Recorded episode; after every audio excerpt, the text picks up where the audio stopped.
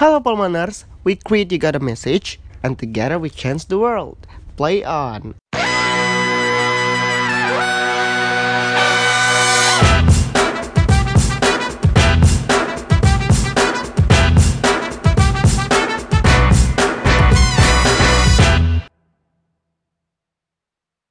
Nah, Yose di sini kali ini kita akan ngebahas podcast episode 2 yang judulnya adalah online versus offline.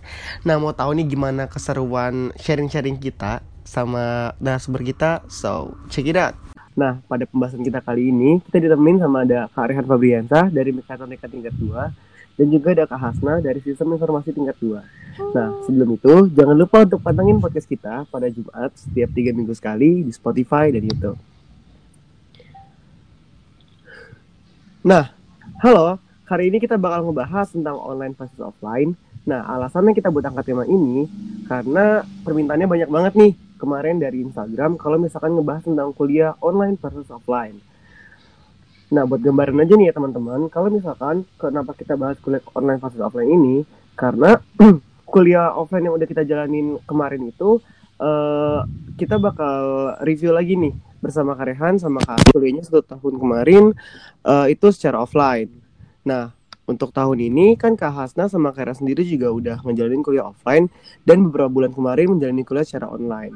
Jadi nanti kita mau nanya beberapa saran, pendapat, juga beberapa keluh kesah nih dari Karehan sama Kak Hasna. Oke, langsung aja nih. Kita mau perkenalan dulu kali ya ke narasumber kita kali ini. Ada halo Kak Hasna sama Karehan. Halo, halo. Oh, Oke. Apa kabar nih Kak sebelumnya? Oke, dari Kak Hasna gimana nih Kak? aku baik-baik aja. Alhamdulillah. Karehan Sama sih baik-baik aja. Masih baik-baik aja. masih baik-baik aja. Oke. Oke, langsung ini Kak, kenalin dari Karehan ini eh, nama panjangnya mungkin, terus dari prodi apa, terus juga mungkin apalah yang mau di Kakak kenalin ke eh, audiens kita. Dimulai dari mungkin dari Karehan dulu boleh? Coba dulu nih. Oh, oh, oke. Jadi perkenalkan nama saya Rayhan Febriansyah. Mekatronika tingkat 2. Itu aja sih, teman-teman Polman juga udah tahu. Asik. Oke. Lanjut ya. Langsung nah, silakan Kak Hasna buat memperkenalkan diri ya. Halo, nama saya Hasna Azhar dari Sistem Informasi Tingkat 2. Eh, saya Polman menjabat sebagai Ketua UKM Jurnalistik. Eh, jadi jangan lupa follow UKM Jurnalistik di 4pm.jurnalistik. Makasih. Apa jurnalistik? Curang. Cirik aja.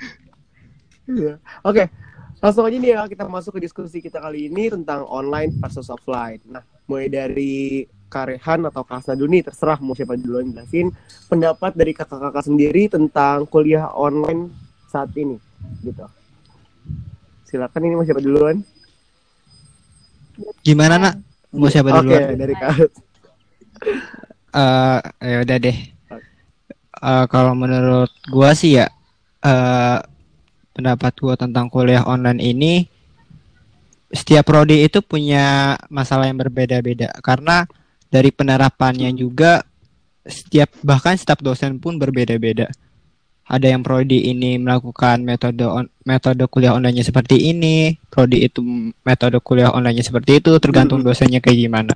Iya, iya, benar. Eh, jadi pendapat gue sih kalau yang dialami sama teman-teman mekatronika tingkat 2 itu di kuliah online ini kita hanya melakukan tiga pelajaran Hmm, apa aja itu, Kak? dan dari tiga itu ada pelajaran bahasa Jepang, sistem mutua astra dan elemen mesin. Oke. Dari ketiga itu setiap metodenya berbeda-beda. Bahasa Jepang ada yang melalui WhatsApp, Hmm.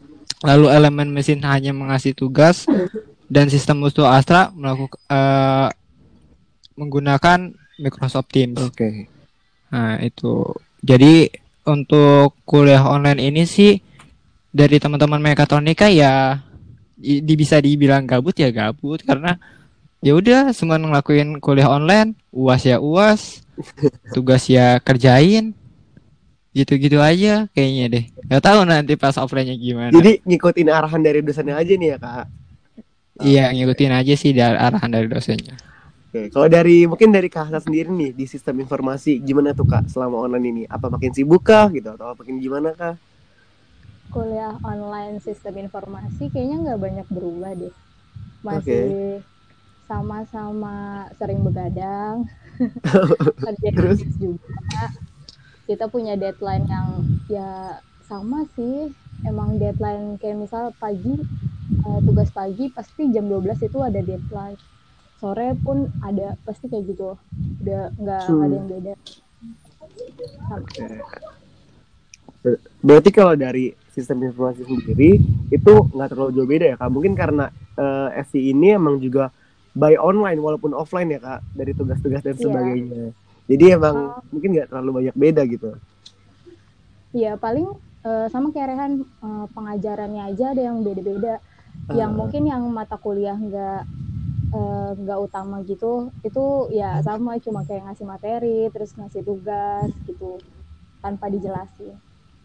Oke. Terus Kak, untuk Karehan sama Kak Hasna lagi nih, perbedaan kuliah online sama offline yang paling kerasa banget nih, selain nggak tatap muka sama dosen, itu apa tuh Kak? Maksudnya yang yang kelihatan bedanya dari offline sama online ini apa? Kalau dari saya dari gua sendiri sih perbedaannya ya cukup banyak karena kalau dari mekatronika sendiri kan lebih banyak interaksi langsung sama mesinnya. Makanya Mhm. itu kita kuliah online ini hanya tiga pelajaran aja. Hmm. Sisanya itu ya emang benar-benar harus megang mesin gitu loh. Oke. Ya ya kita praktek ada tiga kuliah di blok praktek ada tiga materi, tiga eh tiga materi, tiga eh, pembelajaran yang belum kelar. Nah makanya itu benar-benar kerasa banget karena kita mau online juga mau belajar apa gitu. Benar, Searching searching di internet juga ya gak ada juga sedikit banget eh, informasi tentang itu dan kita harus emang langsung megang langsung gitu loh alat tersebut gitu. Ya kan kalau kita cuma belajar materi-materi aja tapi kita nggak nggak tahu nih mesin yang kita Alatnya. program itu iya alat yang kita program itu eh, bakal bergerak seperti apa gitu. Misalnya kita ambil contoh tentang tentang otomasi industri Oke. ya kita kan nggak eh, bisa hanya simulasi doang di laptop tapi nggak kita Praktekkan gitu. lihat langsung praktekkan langsung di alat tersebut jadi ya itu sih kelihatan karena kan kita politeknik gitu loh bukan universitas yang emang lebih kuat di Oh, teori. teorinya ketimbang prakteknya Oh. ya kan nah itu sih itu kalau itu yang paling benar-benar berasa banget kalau dari teman-teman mekatronika Hmm. Kalau dari Kak Hasna sendiri apa nih Kak yang kelihatan bedanya gitu online versus offline? Hmm, bedanya paling eh, review pengecekan tugas kali ya. Kan biasa kalau Oke. misalnya eh, off, on, offline itu eh, kita ngerjain tugas, terus besoknya dibahas rame-rame. Jadi eh, pas dibahas rame-rame itu kita tahu dan dapat ilmu yang lebih baru lagi dari teman-teman yang lain. Dan kalau sekarang ya udah kayak ngerjain tugas ya dikumpulin, nggak dicek lagi gitu. Kayak gitu doang sih. Hmm, berarti eh, lebih kelihatan dari diskusi antar temennya gitu ya kak? Ya, benar. Oke. Nah kalau menurut Karehan lagi nih sama Kak Hasna, sistem kuliah online yang sekarang itu gimana sih yang udah diterapkan, yang udah diterapkan dari Polman sendiri? Apakah efektifkah? Apakah nggak efektifkah? Dan apa nih kak? Menurut dari kakak-kakak sendiri? Efektif atau enggak, menurut gua ini kali ya, setiap dosen tuh enggak serempak sama gitu loh. Ada Hmm. yang ada yang cuma ngasih apa PPT doang, terus tugas.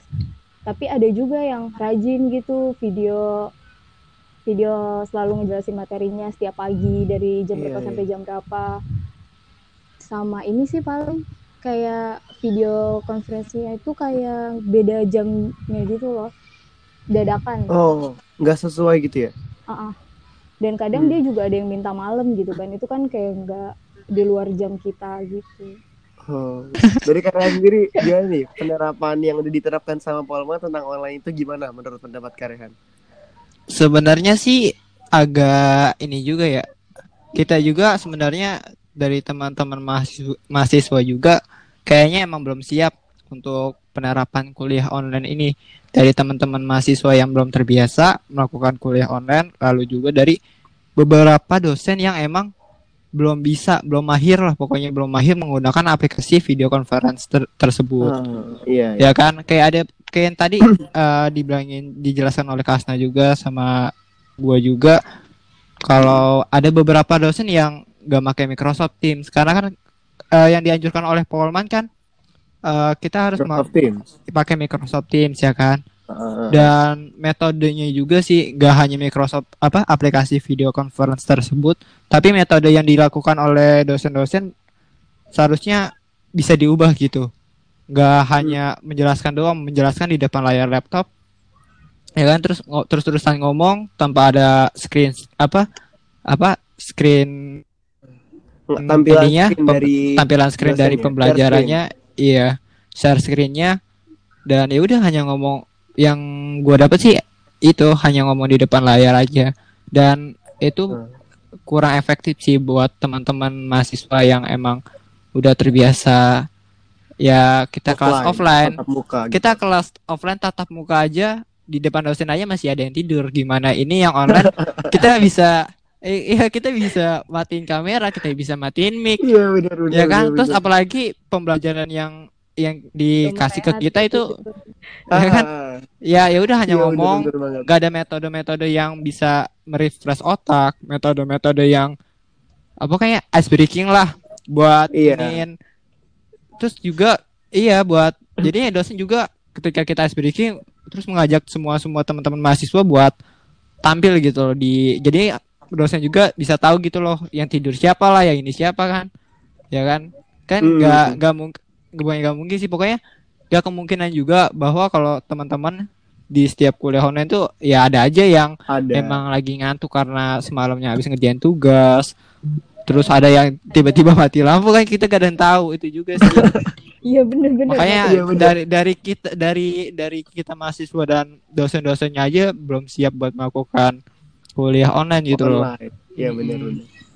karena Oke. ya itu sih metode-metode yang diterapkan masih kurang aja Oke. Nah, kalau tadi udah bahas tentang sistemnya, sekarang yang kakak dapat nih selama online tentang kelebihannya mungkin atau kekurangannya dari online ini dibandingkan offline gitu. Ada nggak kelebihannya menurut dari Kasna atau Karehan sendiri? Eh, kelebihannya nih ya sebenarnya ke- kelebihannya apa ya gak ada kali ya. Kayaknya Oke. kalau dari gua sendiri sih kelebihannya ya itu mungkin ya bisa lebih santai aja dalam melakukan pembelajaran. Kita melakukan pembelajaran bisa sambil selonjoran lah bisa sambil apaan lah. Kan kita Iya, gak ada yang ta- eh kan dosen juga nggak tahu gitu loh. Eh, ya kan? Itu sih kelebihannya. Hmm. itu juga kayaknya bukan kelebihan deh. Itu kecurangan yang dilakukan mahasiswa. Kecurangan, Oke. iya. Kalau kekurangannya ya pasti banyak Eh, yang tadi Iya disebutkan ya kak. Eh, Iya pokoknya yang tadi disebutin lah sama gua kayak dari dosen-dosennya yang belum mahir dalam melakukan eh, apa video conference menggunakan aplikasi tersebut terus sama ini juga kan kita biasanya interaksi langsung nih sama dosen mm-mm. Iya tuh ya gimana? kan ada juga beberapa dosen yang eh, kita kan menggunakan aplikasi eh, tersebut dan itu menggunakan kuota yang emang banyak banget Ah, ya kan? benar. Jadi ya Iya. ada beberapa dosen yang ya mengkat gitu loh. Jadi aturan kita belajar 6 jam jadi dua jam gara-gara ya udah kuota gitu loh. Alasannya kuota. Jadi Benar. kayak udah kita online terus metode pembelajarannya kayak gitu, terus waktu yang waktu yang dibelajarin itu sedikit gitu loh. Jadi belajarnya itu buru-buru banget buat ngejar Iya. materi dari ya awal sampai akhir. Itu sih yang emang benar-benar kurangnya ya Kerasa gitu ya. Eh, kerasa banget iya Kalau dari Kasna sendiri ada nggak tuh kak kelebihan nih untuk dari SI sendiri di selama kuliah online ini? kelebihan kalau ini sih gue yang ngerasa ya eh, kalau kelebihan itu yang menurut gue kita jadi lebih berusaha untuk gak ngandelin temen Eh, Nah, benar banget. misalnya jadi kayak sendiri-sendiri gitu loh dulu kan kalau misalnya offline kan kalau misalnya nih ada tugas terus temen udah nih. Pasti kan kita kayak minta code gitu kan. Eh ini gimana Mm-mm. caranya? Kalau sekarang ya masing-masing walaupun emang bisa nanya lewat chat tapi tuh dia coba dikerjain dulu sendiri. Baru uh, tanya temen kalau misalnya emang udah mentok banget. Itu yang jadi kayak ngerasa uh, di sini tuh gue ngerasa oh kemampuan gue tuh ternyata cuma segini loh. Itu sih yang kerasa banget pas uh, Iya benar juga sih kak, karena mau nanya pun kalau misalkan online jadi lebih ribet kan, jadi lebih baik kayak udah dia sendiri aja gitu ya.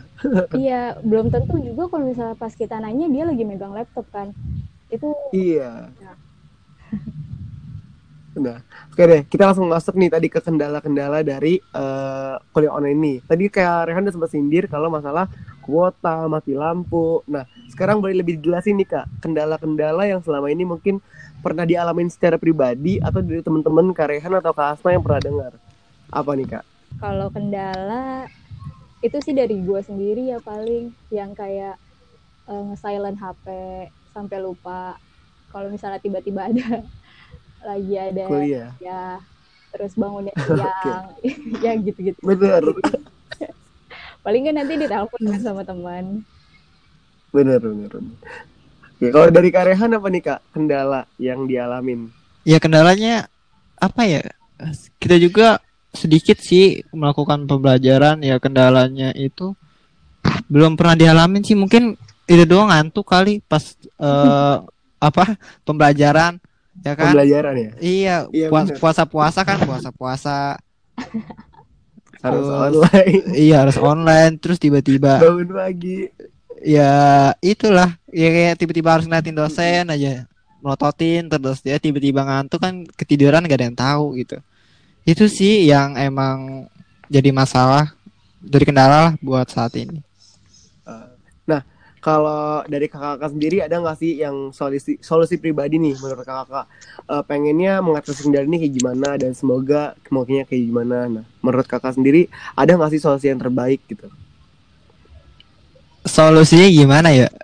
Ya solusinya seharusnya ya dari dosen-dosen itu dibuatin lah apa kayak uh, seminar atau uh, training gitu loh buat melakukan apa buat buat menggunakan aplikasi-aplikasi tersebut. Hmm. dan di ini juga apa dikasih tahu juga metode-metode yang bisa diterima sama mahasiswa itu kayak gimana. Dan dari mahasiswanya juga harus lebih giat juga sih.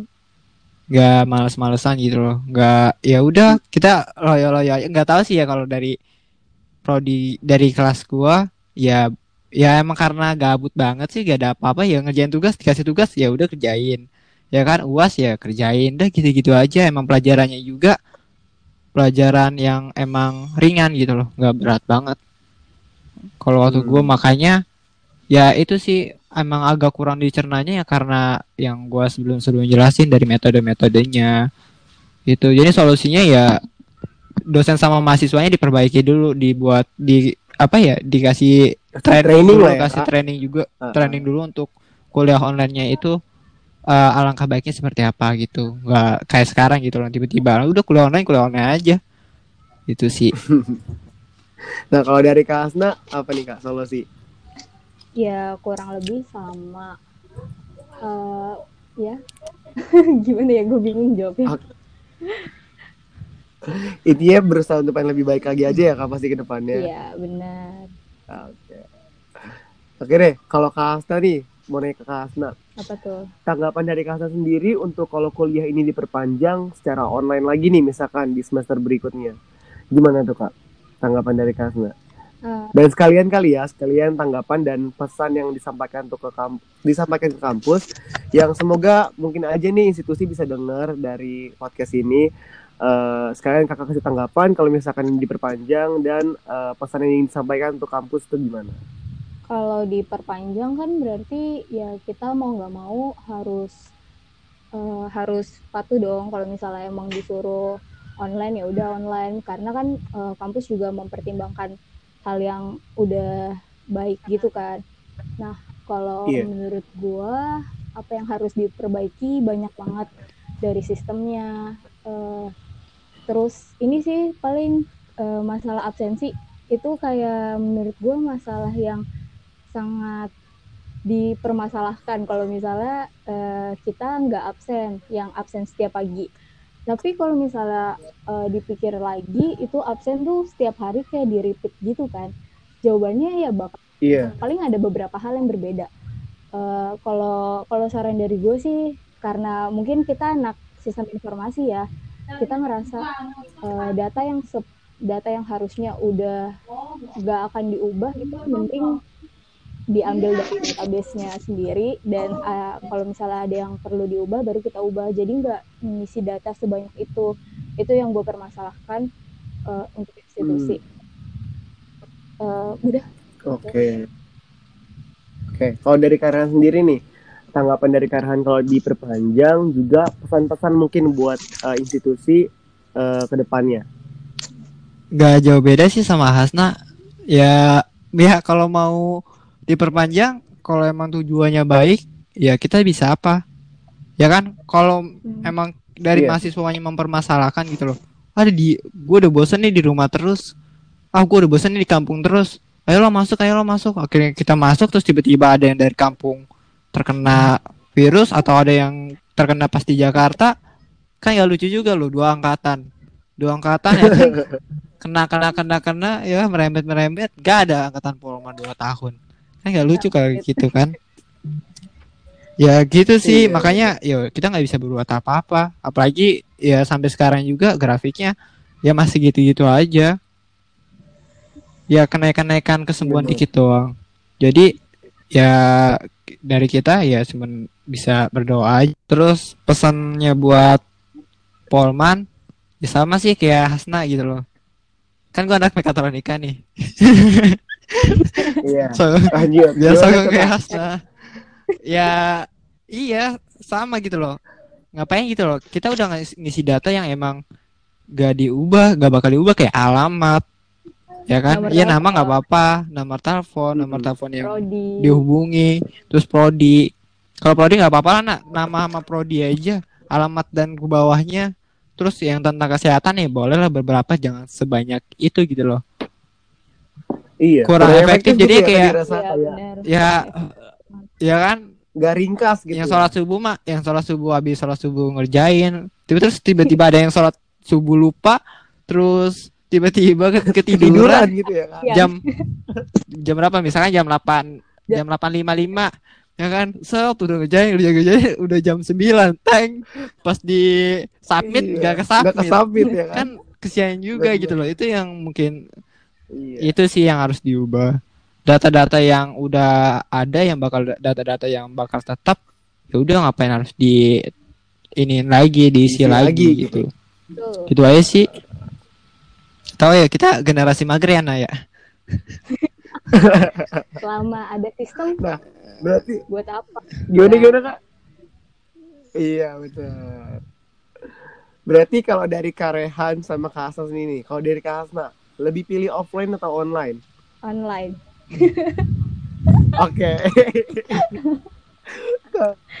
Kalau dari Karehan, lebih pilih offline atau ya, online? Ya offline lah. Gue mau belajar apa online? Offline. Dan gue belajar loh. Lu lah gue. gue mau belajar apa?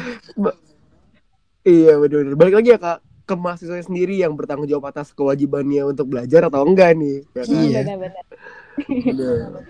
Nah, kita juga udah kemarin buka polling vote di Instagramnya BEM nanya-nanya nih sama followers kalau misalkan offline atau, atau online. Nah, gue bakal bacain dikit nih tanggapan-tanggapan dari uh, mahasiswa yang lainnya tentang offline dan online. Jadi totalnya itu pokoknya uh, eh, 80% dari mahasiswa memilih untuk uh, berkuliah offline. Nah, ada yang bilang kalau misalkan karena kita politeknik nih pembelajarannya melalui praktek jadi lebih baik offline. Terus habis itu uh, bisa ketemu teman katanya. Terus juga ada yang bilang gabut parah di rumah oke. Okay. terus juga uh, lebih enak uh, online katanya. Karena uh, bisa rebahan. karena katanya bisa belajar dengan waktu yang bebas. Ah, bener, oh bener, yang ngerti-ngerti. Jadi bisa belajar di waktu yang tepat ya pengennya belajar kayak gimana iya. gitu. Terus uh, terus juga ada yang bilang lebih baik offline karena online gak efektif. Oke. Okay. terus lebih baik offline lebih baik online lebih baik offline karena online itu ketiduran mulu. Yang kata di- dikasih tahu Karehan tadi ya. Itu gue juga. iya iya iya. Nah oke deh. Menarik banget sih pembahasan kita pada episode kali ini nih kak. Eh, dari Kak Rehan sama dari Kak Hasna sendiri tentang eh, kuliah online versus offline yang udah saya rangkum tadi Eh, jadi eh, pesan-pesan dari kakak juga yang saya dapat eh, dari pembahasan kali ini berarti kita harus lebih memperbaiki sistem dari pembelajarannya dan cara mengajarnya juga dari dosen eh, agar lebih eh, mengerti sama muridnya dan lebih efektif bagi muridnya. Terus juga sebagai mahasiswa kita harus lebih kooperatif nih antara mahasiswa dan dosen agar eh, sejalan gitu eh, tujuan dari dosennya dan tujuan dari institusi sendiri. Juga yang pastinya yang terakhir tadi setiap mahasiswa harus lebih bertanggung jawab pastinya atas tugas dan kewajibannya sebagai mahasiswa untuk terus belajar dan mencari ilmu. Iya Ya tuh nggak betul sih, Kak? sekali. Jangan kayak Hasna Oke. ngeluh mulu. Ah, nggak boleh kayak gitu. banget ya. Eh, Eh, Oke deh, menarik banget nih pembahasan kita kali ini. Nah, kita jadi banyak belajar nih kan dari kakak-kakak berdua eh, tentang offline versus online nih. Nah, semoga nanti Polmaners bisa ngambil lah poin-poin positif dari pembahasan kali ini dan pastinya untuk yang negatif jangan diambil lah ya. Nah, thank you banget nih Kak buat Karen Febriansa dari Mekatronika tingkat 2 sama Kak Hasna juga terima kasih atas Sama-sama. berbagi sharing-sharing lah, sharing-sharing dari kakak berdua atas offline dan online. Dan jangan lupa buat teman-teman yang dengerin podcast ini tetap terus pantengin podcast kita di setiap hari Jumat, eh, enggak setiap hari, tiga minggu sekali di Spotify dan di YouTube. Oke, see you on next podcast. Dah. Dah. Ya.